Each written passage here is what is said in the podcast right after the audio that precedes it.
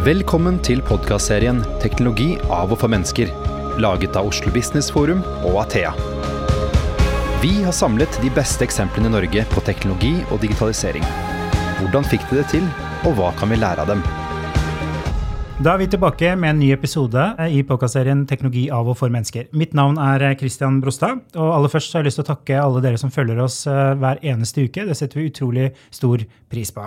Og det er fortsatt lov å tipse en venn om podkasten. Da blir vi forferdelig glade. Temaet for eh, denne eh, Episoden er velferdsteknologi, og da har vi flyttet oss over fra podkaststudiet i Oslo til vakre Bergen og befinner oss på eh, Høgskolen på Vestlandet. Med oss i dag så har vi eh, Kari Eidnes Bjørkheim, som er prosjektleder i Vestlandsprosjektet, og så har vi Gro Dyrdal Løvik, som er prosjektmedarbeider i det samme prosjektet. Velkommen til dere. Tusen takk. Tusen takk. Velferdsteknologi er jo eh, spennende, og vi har jo hatt et par episoder om eh, dette tidligere som har vært ganske godt eh, nedlastet. Men før vi går inn på det temaet, så Kari, kunne ikke du sagt litt om eh, Vestlandsprosjektet? Hva er det for noe? Ja. Vestlandsprosjektet heter Vestlandsprosjektet sammen om velferdsteknologi. Og det er da 16 kommuner i Hordaland som da er inn i et felles prosjekt der vi implementerer velferdsteknologi inn i de ulike kommunene. Og det er òg ut ifra den enkeltes kommunes behov, det er veldig viktig å få sagt. Og, og, innen 2020 så skal alle disse kommunene da være i drift med velferdsteknologi som egen tjeneste. Hmm. Og du er med der du òg, Gro? Det stemmer. Er det gøy? Det er veldig kjekt. Eh, Kari og jeg vi har jobba med velferdsteknologi ganske lenge nå. Eh, vi begynte helt tidlig på eh, forrige tiår, helt på å si. Ja, det er ikke så lenge siden, da. Nei da. Vi, du, Kari, begynte jo i 20, 2011 med dette her, ja. når vi holdt på i Lindås, og jeg ble kobla på i 20, 2012. Så vi holder på ennå, så det må jo bety at det, det er ganske gøy, dette her. da. Ja. Eh, vi lever jo i en verden hvor det skjer store endringer. Eh, vi får jo flere eldre. Eh, og stadig flere vil jo bo hjemme lengst mulig. Og det kan også være mangel på kvalifisert helsepersonell også. Så det er liksom mange problemstillinger som vi må håndtere, da.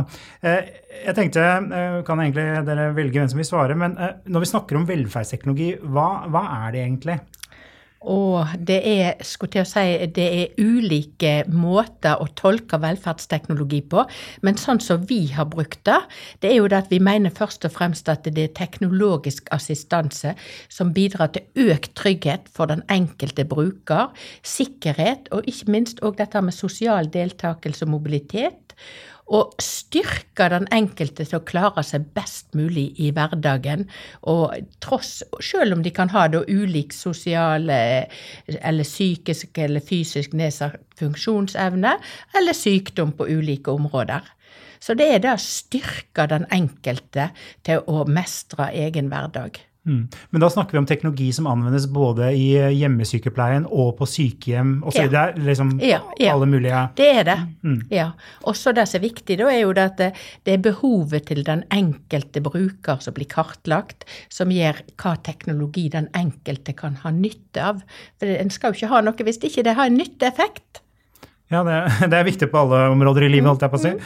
Uh, men uh, dere har vært ganske tydelige også på at Eh, det handler jo ikke om teknologien. Du nevnte jo så vidt, ikke sant? det må være brukerorientert osv. Eh, er det eh, For Vestlandsprosjektet er jo ikke et teknologiprosjekt, vil jeg regne med. Og da er det jo endringer. Det er endringer hos pasientene, og det er endringer kanskje hos ansatte også. Hvordan, hvordan er dere fokuserer på dette? Hvordan jobber dere med dette? Teknologi er, som du sier her, det er bare en liten del av det, egentlig. Altså det vi jobber veldig mye med, det er endring. Og dette med eh, holdninger, kultur må endres. Eh, vi må eh, på en måte tenke hvordan kan vi bruke teknologien som et hjelpemiddel. For den skal jo ikke være et mål i seg sjøl. Den skal være et virkemiddel som vi bruker for å gi gode tjenester.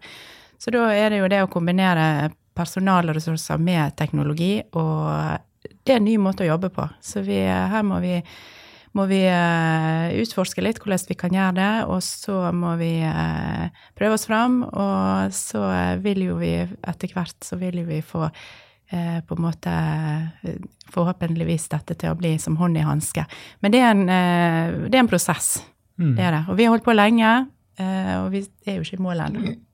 Nei, og det er jo dette her med endring og eh, å endre måten å tilpasse eh, tjenestene til den enkelte mer skreddersøm, og òg dette her at det, vi gjør dette her, det er jo for at vi skal være der vi må være når vi skal. For som eh, du sa, det er jo dette her med, med demografiske utfordringer. Vi får flere eldre, flere kronikere. Og ikke minst så får vi jo òg eh, kanskje krav fra brukere og pårørende på hvordan de ønsker eh, tjenestene. Vi må være mer tidsriktige.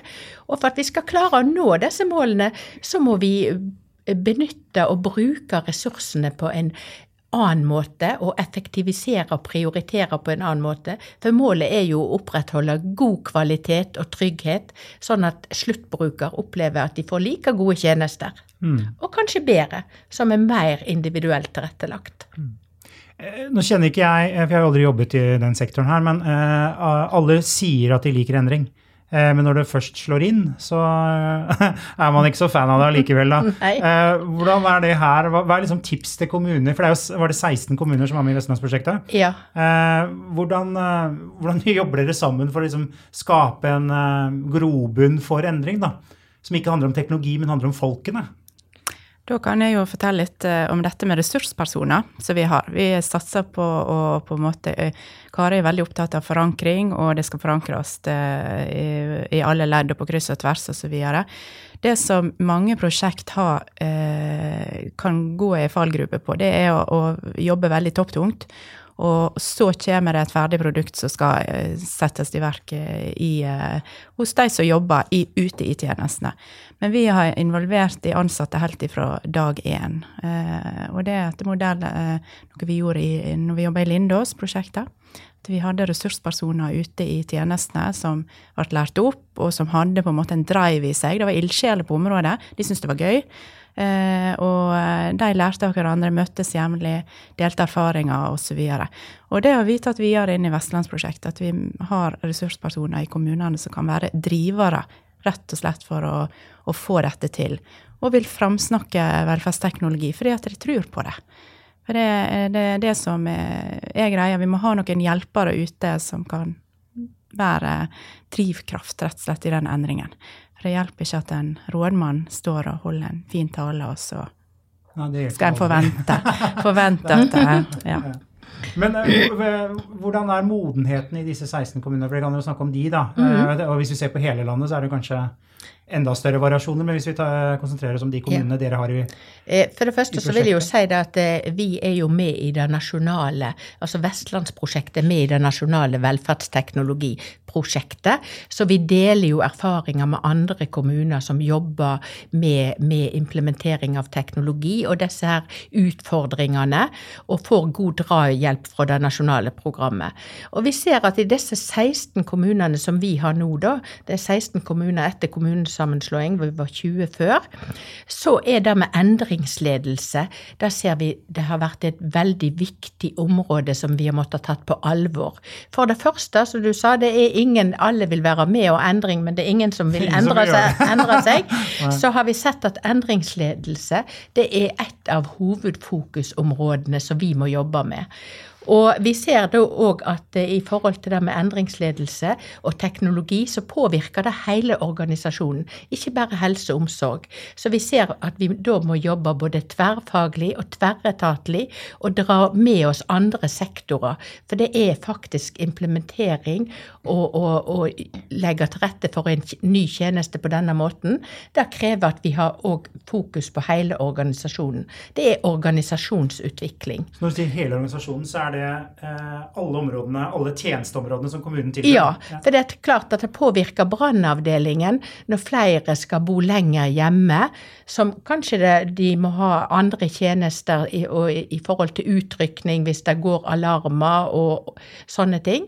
Samtidig så ser vi det betyr noe for teknisk avdeling, eiendomsavdelingen, IKT-avdelingen ikke minst. Så vi ser at her må vi ha et godt samarbeid internt i hele organisasjonen, både tverrfaglig og tverretatlig.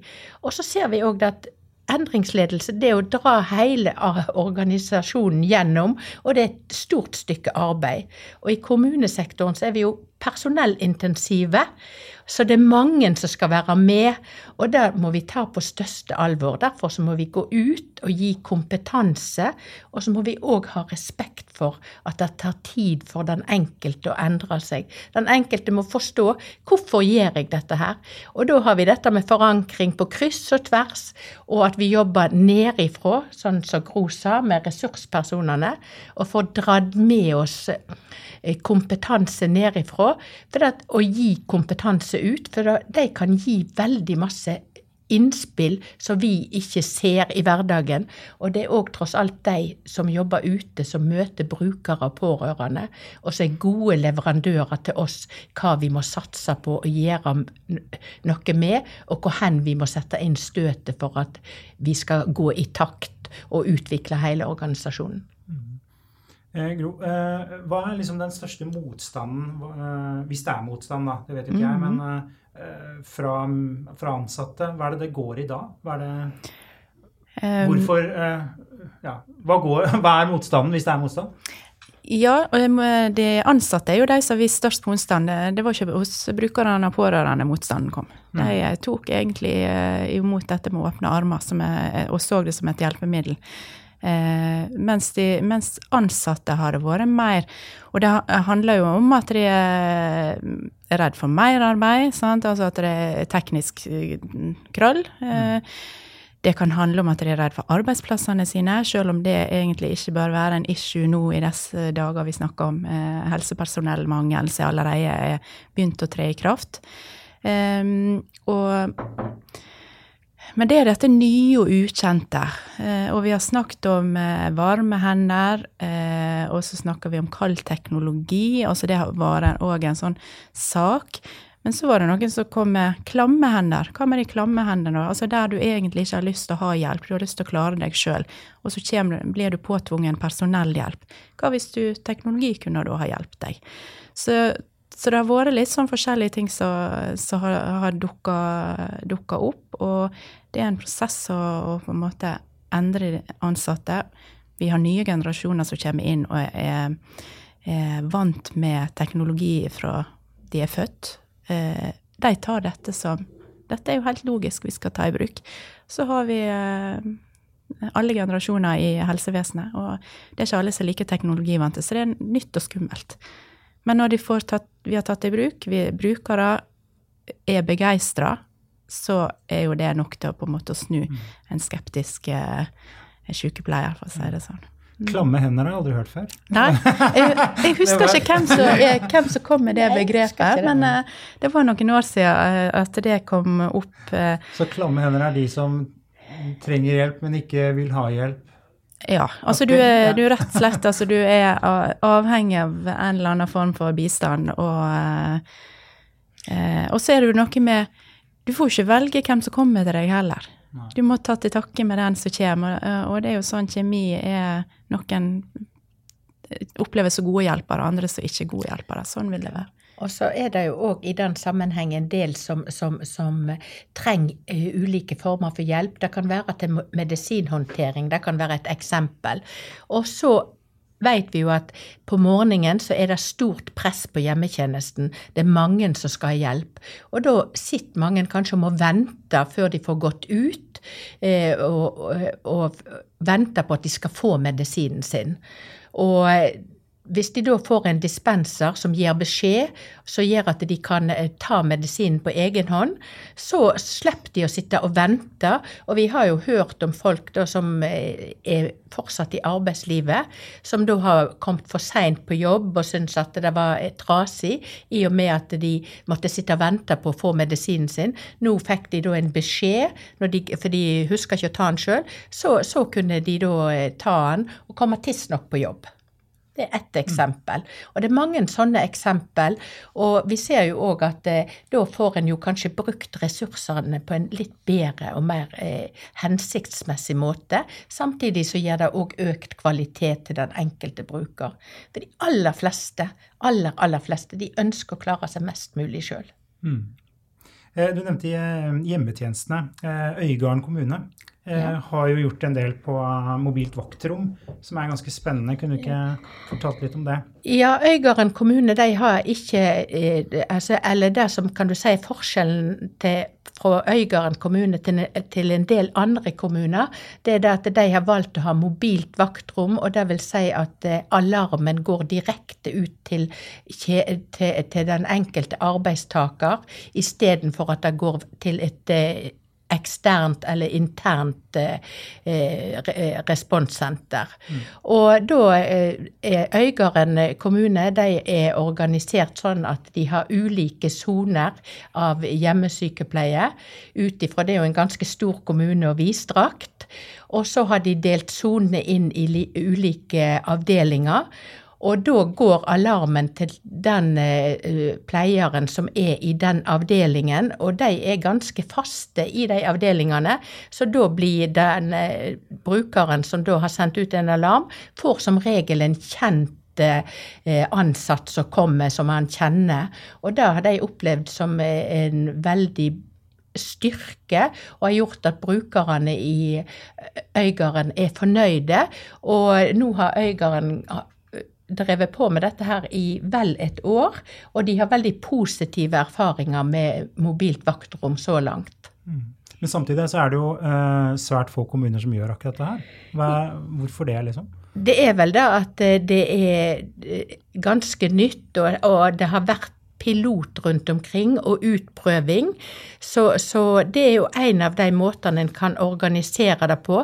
Jeg kjenner ikke personlig til så mange som har organisert det på den måten, men jeg hørte at det var noe på Østlandet, og òg ut ifra ulike andre leverandører. Men jeg tenker dette er noe, når det blir gjort erfaringer med det, noe som eh, som kan overføres til mange andre kommuner og kan være hensiktsmessig.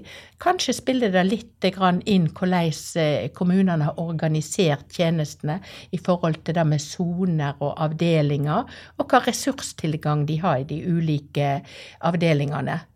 Men jeg tenker dette her er jo òg noe som viser at lokal tilpasning er kjempeviktig for at en skal få, få det til å fungere i hverdagen. Og de har jo òg et tett samarbeid med at de har et eh, lokalmedisinsk senter. Så hvis da f.eks. den brukeren som ikke eh, Eller, eh, eller hvis den enkelte ansatte er opptatt, så går det da til, til, til, enten en annen ansatt eller inn til lokalmedisinsk senter, legevakten. Mm, så det er noen har, som svarer uansett? Ja, så det er noen som svarer uansett. Så, så de har vært veldig fornøyd med denne løsningen der ute. Mm. Eh, dere var så vidt inne på det begge to eh, tidligere. Eh, og det er jo at eh, er mer, altså målet er mer skreddersøm, eh, tilpasning individuelt. Eh, men hvordan avdekker man liksom behov For det er jo noe medisinsk behov antageligvis, men matcher behov med teknologi, da. Mm. Hvordan, hvordan foregår det? Hva, hva vet dere hva pasientene vil ha?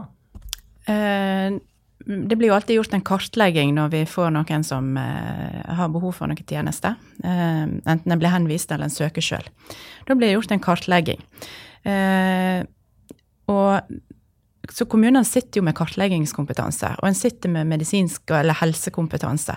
Det som er på en måte det nye nå, at en må ha òg kompetanse på hvordan teknologi kan avhjelpe behov. Sånn at jeg, i samtaler med, med, brukere eller beboere, så eh, er det veldig viktig dette spørsmålet hva, eh, hva er viktig for deg? At en har det som er sånn fokus. Eh, og det kan være helt noe annet enn jeg som helse, jeg som sykepleier vurderer at denne pasienten bør være opptatt av. Eh, så, så ha det fokuset, og hvis du da har en kompetanse på teknologi, hvordan den kan avhjelpe behov, så får du en mye bedre match.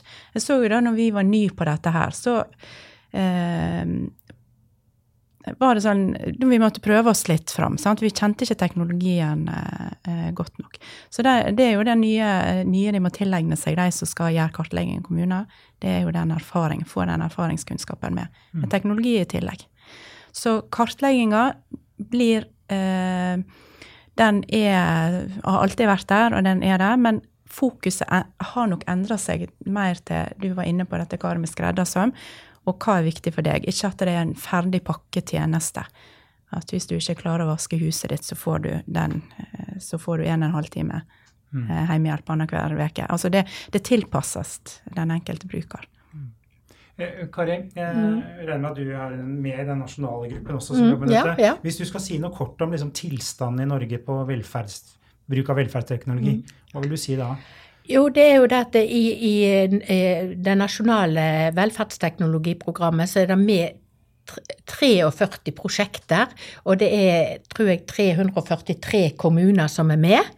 Så, så det her er jo egentlig i veldig framdrift, og det er full fart framover. Det nasjonale prosjektet de starta opp det første prosjektet med 31 kommuner i 2013. Og i 2017 så lyste de ut det andre nasjonale Eh, programmet, eller prosjektet. Og da tok de opp nye kommuner, og til sammen nå så er det 340 kommuner som er med. Det som er, er jo at Der får vi delt erfaringer, og vi har egne prosjektledersamlinger. Og vi har da en prosjektleder fra KS som er, da, eh, driver, er med å lede det nasjonale programmet. Og der får vi jo da god informasjon. Samtidig så holder de et trykk på at vi jobber framover. For målet er jo da at det skal være integrert velferdsteknologi i alle kommuner innen 2020. Mm. Helt sikkert så vil ikke alle nå målene. For at det er litt sprekk i laget i de enkelte prosjektene og de enkelte kommunene. Men det er klart dette er en stor endring, og det er masse som skal på plass. Så, så alle vil nok ikke nå målet fullt ut, men eh, det er, stor, eh, stor, det er et stort satsingsområde. Og jeg vil si at nok at vi har lykkes så godt i Norge i forhold til mange andre land, er det at vi har hatt et nasjonalt prosjekt som har vært pådriver, og som fortsatt er pådriver. Mm. Men føler du, Én eh, ting er jo å få alle med på endringen, som vi snakket om eh, tidligere. Det andre er er det nok penger? Altså, føler du, Får dere gjort alt det dere skal? Er det nok finansiering her? Nei, det er det ikke. Det nasjonale programmet har en pott på, på 20,7 millioner, tror jeg det, som blir fordelt på alle disse prosjektene mm. ut i kommunene. Men investeringen tas i den enkelte kommune? Ja. ja. Og, det, det, og, da får en jo, kan du si, et, et, lite tilskudd til å være med og, og, og organisere det. Men kommunene sjøl i forhold til all opplæring og, alt, så er det jo kommunene en enorm egeninnsats som blir gjort i kommunene. Så, så, det er jo de som er den største driveren. Og Derfor er det jo òg viktig at de kommunene som er med, har dette som et satsingsområde. For at det er Altså, en kan ikke starte med en så stor endring uten at det krever ressurser, og det krever kompetanse, og det krever at det er et satsingsområde, og at det, det fra både politisk og administrativt hold er vilje og mot til å, å jobbe, å ha, å, jobbe på denne måten og ta i bruk velferdsteknologi. Og er det mot i Kommune-Norge? Ja. Det er det. Det er masse flinke folk, og det er masse ledere. Og, og det er jo da rådmennene som har ansvaret i den enkelte kommune. Og det er jo da alle kjenner sin kommune og vet hva de står overfor. At i fremtiden så blir vi flere eldre. Og heldigvis så blir vi friskere, men vi lever lenger. Og vi har ikke fått nok barn. Så det å få, få nok arbeidskapasitet og nok hender, det gjør at vi er nødt til å tenke annerledes. Samtidig så skal vi dra med oss at vi skal være tidsriktige og gi god kvalitet på tjenestene, og da må vi tenke nytt. Og der tenker jeg den viljen er til stede i Kommune-Norge. Mm. Eh, Gro, jeg eh, tenkte jeg skulle utfordre deg på én ting. fordi eh, Vi er jo veldig entusiastiske, vi tre, da. på teknologisiden, liksom. Vi er teknologioptimister. Men er det noen ulemper her med denne teknologien? Er det noe vi må passe på, eller er det noe etikk i dette? Altså, er det, eller er det bare straight mm. forward? Du nevnte ordet etikk der. Det, er, det må brukes med vet, for å si det sånn. Vi må gjøre vurderinger på det etiske. At vi ikke eh, bejubler dette. For det er, det er, veldig, veldig masse bra her. Og når vi har gjort disse etiske vurderingene, så, så handler jo det om på en måte å eh, lytte til den enkelte person, sant, eh, sine behov og eh, så har vi noe lovverk sant, som stopper oss i forhold til å bryte, altså gå aldeles eh, av skaftet med bruk av teknologi. Um, så, og det er type GDPR og personvern? Ja, og sånt ja, sant. Ja. Sånn at uh, der blir vi stoppa. Men etikken er noe der vi må tenke. Og så er det jo dette med uh, Hvis vi tar vekk en, uh, en person Altså ansikt-til-ansikt-hjelp og erstatter med teknologi, er det noen da som vil oppfatte det som et tap, altså den sosiale biten? sant, at det, men da har det gjerne har du, du, har ikke fått hjelp for å få eh, dekka det sosiale behovet, men det har blitt en slags eh, positiv bivirkning. da, At du mm. har fått sosial kontakt gjennom at du har fått en praktisk hjelp. da. Mm. Og ensomhet er jo et stort problem, mm, mm. dessverre. Ja. Mm. Uh, Avslutningsvis, uh, før vi går over på vår faste spalte, så tenkte jeg uh, utfordre dere på én ting, og da må dere svare begge to, da. Mm. hvis vi skal beskrive Start med deg, da, Kari, siden mm. du er sjefen her. hvis vi skal beskrive drømmevelferdskommunen, oh. hvordan ser den ut? Ja, hvordan ser den ut? Åh og her er det lov å være gal. Og her er det lov å være gal. Ja. og ja, det er ikke enkelt. Men for det første, før jeg begynner å drømme og bli gal, så vil jeg si da at det er viktig å, å se på hva gode tjenester vi har i Kommune-Norge. Eh, vi har en unik velferdsstat, og vi har godt utbygde velferdstjenester. Og det første jeg tenker på da, er jo det at vi må videreutvikle og bruke de ressursene vi har. For vi vet at det, knapphet på, på personalet blir en utfordring. Og hvordan kan vi videreutvikle og foredle det vi har? For vi har så masse å bygge på, og vi har så gode eh, tjenester, og det er så godt organisert, og det er så godt tilrettelagt på mange måter. Så, så vi må ta utgangspunkt i det. Og, og, så må vi se ja, hva kan vi gjøre bedre, for vi kan alltid gjøre noe bedre. Og, tenk, og så må jeg tenke hvordan vil jeg ha det? Og da tenker jeg at for meg, hvis jeg eh, som bor i en kommune, alle bor i en kommune, så vil jeg ha en kommune som gir gode tjenester for alle. Og jeg tenker dette her, Vi må ikke glemme når vi snakker om helse og omsorg, så har vi så lett å tenke på, på eldre og hvordan vi skal tilrettelegge for dem. Det er en viktig gruppe, men samtidig, hvordan er det med de unge, de som vokser opp, som skal danne grunnlaget, som er framtida vår? Hvordan tilrettelegger vi i en kommune for at vi skal ha gode oppvekstvilkår, vi skal ha gode miljø, og vi skal bygge god infrastruktur, og vi skal tenke universell utforming som gjør at jeg kan leve mest mulig fleksibelt og få tjenester uansett hvor hen jeg er i alder, og hvor hen jeg er i forhold til, til sykdom eller funksjonsnedsettelse. Og det med å ha valgfrihet og kunne påvirke og bestemme hvordan jeg vil ha tjenestene, tror jeg er viktig for meg og veldig mange andre. Og jeg leste en plass der det sto var gammelt fra Håvamål et lite bu er bedre enn inkje. Og det er dette her i eget hus og er hver mann herre. Og dette å kunne bestemme over eget liv, og dette å bo i egen bolig og kunne leve aktive liv, er kjempeviktig. Og Da tenker jeg kanskje dette her med å ha fokus på brukere, hva brukere tenker er viktig for dem, istedenfor å tenke på at vi skal organisere en kommune ut ifra hva vi ser som jobber i kommunen, og igjen dette her, hva er viktig for deg. Og så tenker jeg det litt sånn i framtiden dette med droner og for, som kommer inn med tjenester, at jeg kan i forhold til kunstig intelligens og i forhold til det med tegn og tale, at jeg kan få sånne hjelpemiddel som gjør at jeg kan bli mest mulig sjølhjelpen. Og det tror jeg er noe av det som er det viktigste for, for, for brukerne. Gro, ja. topper du den her? Nei, det var en uh, lang uh, oppramsing. Og Kari og jeg vi er veldig samstemte, og det er jo derfor vi jobber med dette her. Uh, hvis jeg skal supplere med noe, så tenker jeg at um, dette å få vekk den silotenkningen som vi har nå i kommunene, sånn at vi kan på en måte eh, få en få tjeneste som på en måte er bedre bakt sammen. At det ikke blir sånn at du må gå fra kontor til kontor hvis du skal ha en måte tjenester som innbygger i en kommune. Og så tenker jeg på, det var du litt inne på, du snakket om oppvekstmiljø og dette her, men det med forebygging, for det er dessverre ikke stor satsing. Det er mye hva vi kaller brannslukking.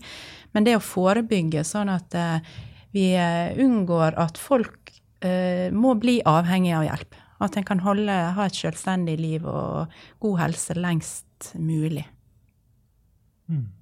Godt punktum. Eh, vi skal over på vår faste spalte. Dilemma. Bli kjent med gjestene ved å snoke deres digitale liv. Hva gjør de egentlig på nettet, og hvilke favorittapper har de? Se på TV eller streame. Instagram eller Snapchat. Dilemma. I teknologi av og for mennesker. Ja, Kari og Gro, nå skal vi grave litt ned i det digitale livet deres. Så um, jeg kommer til å um, hive på bordet noen dilemmaer. Og så må dere velge en av de, og det er ikke lov å velge ingen eller finne på noe sjøl. Ok? okay? Avtale? Ja. Da begynner vi begynner med deg, da, Kari. Instagram eller Snapchat? Eh, Snapchat. Snapchat på meg òg. Ja. Dere er på Instagram også? Ja. Godt å høre. Tog eller flyreise? Flyreise. Tog? Tog? Er det miljømotivert, eller er det andre ting? Eh, ja, egentlig. Mm. Mm. Kort og greit. Kari, emoji eller tekst? Eh, emoji. Tekst. Tekst. Eh, men du bruker emoji? sånn? Ja, ja, ja, for alle. Men hoveddelen er tekst. Ja. Eh, men emoji, sender, kan vi risikere bare å få emojis av deg når du sender melding? Ja. Du ser så lur ut. Hva skjer, liksom? ja kanskje. ok, Nei, Vi hopper på neste. Eiebil eller leiebil? Eie. Eie. Eie. Eie. Ja, det er jo et stort spørsmål om man vil leie eller leie i fremtiden. Eh, Kari, ringe eller sende meldinger? Eh, ringe. Ringe. Mm. Melding. Meldinger. Hvem er det du ringer, holdt jeg på å si? oh, ringer, Ringer du alle, liksom, eller? Eh, Nei, nei. Men det er, det er skulle jeg si, min kjære og våre barn. Og så er det òg av og til så i, i forhold til jobbsammenheng, så er det dette her med at en trenger en dialog. For det er av og til en problemstilling. Og da syns jeg det er veldig greit dette her å få en dialog. Ja, det er vanskeligere å få til det på, på meldinger. kanskje. Ja. Ja. Mm. Og så er det at det går raskere. Da får jeg kanskje raskere avklart, for at det, det er her og nå. Gro, lineær-TV eller streaming? Streaming. Streaming. Har du noen favorittserier om dagen? Gro?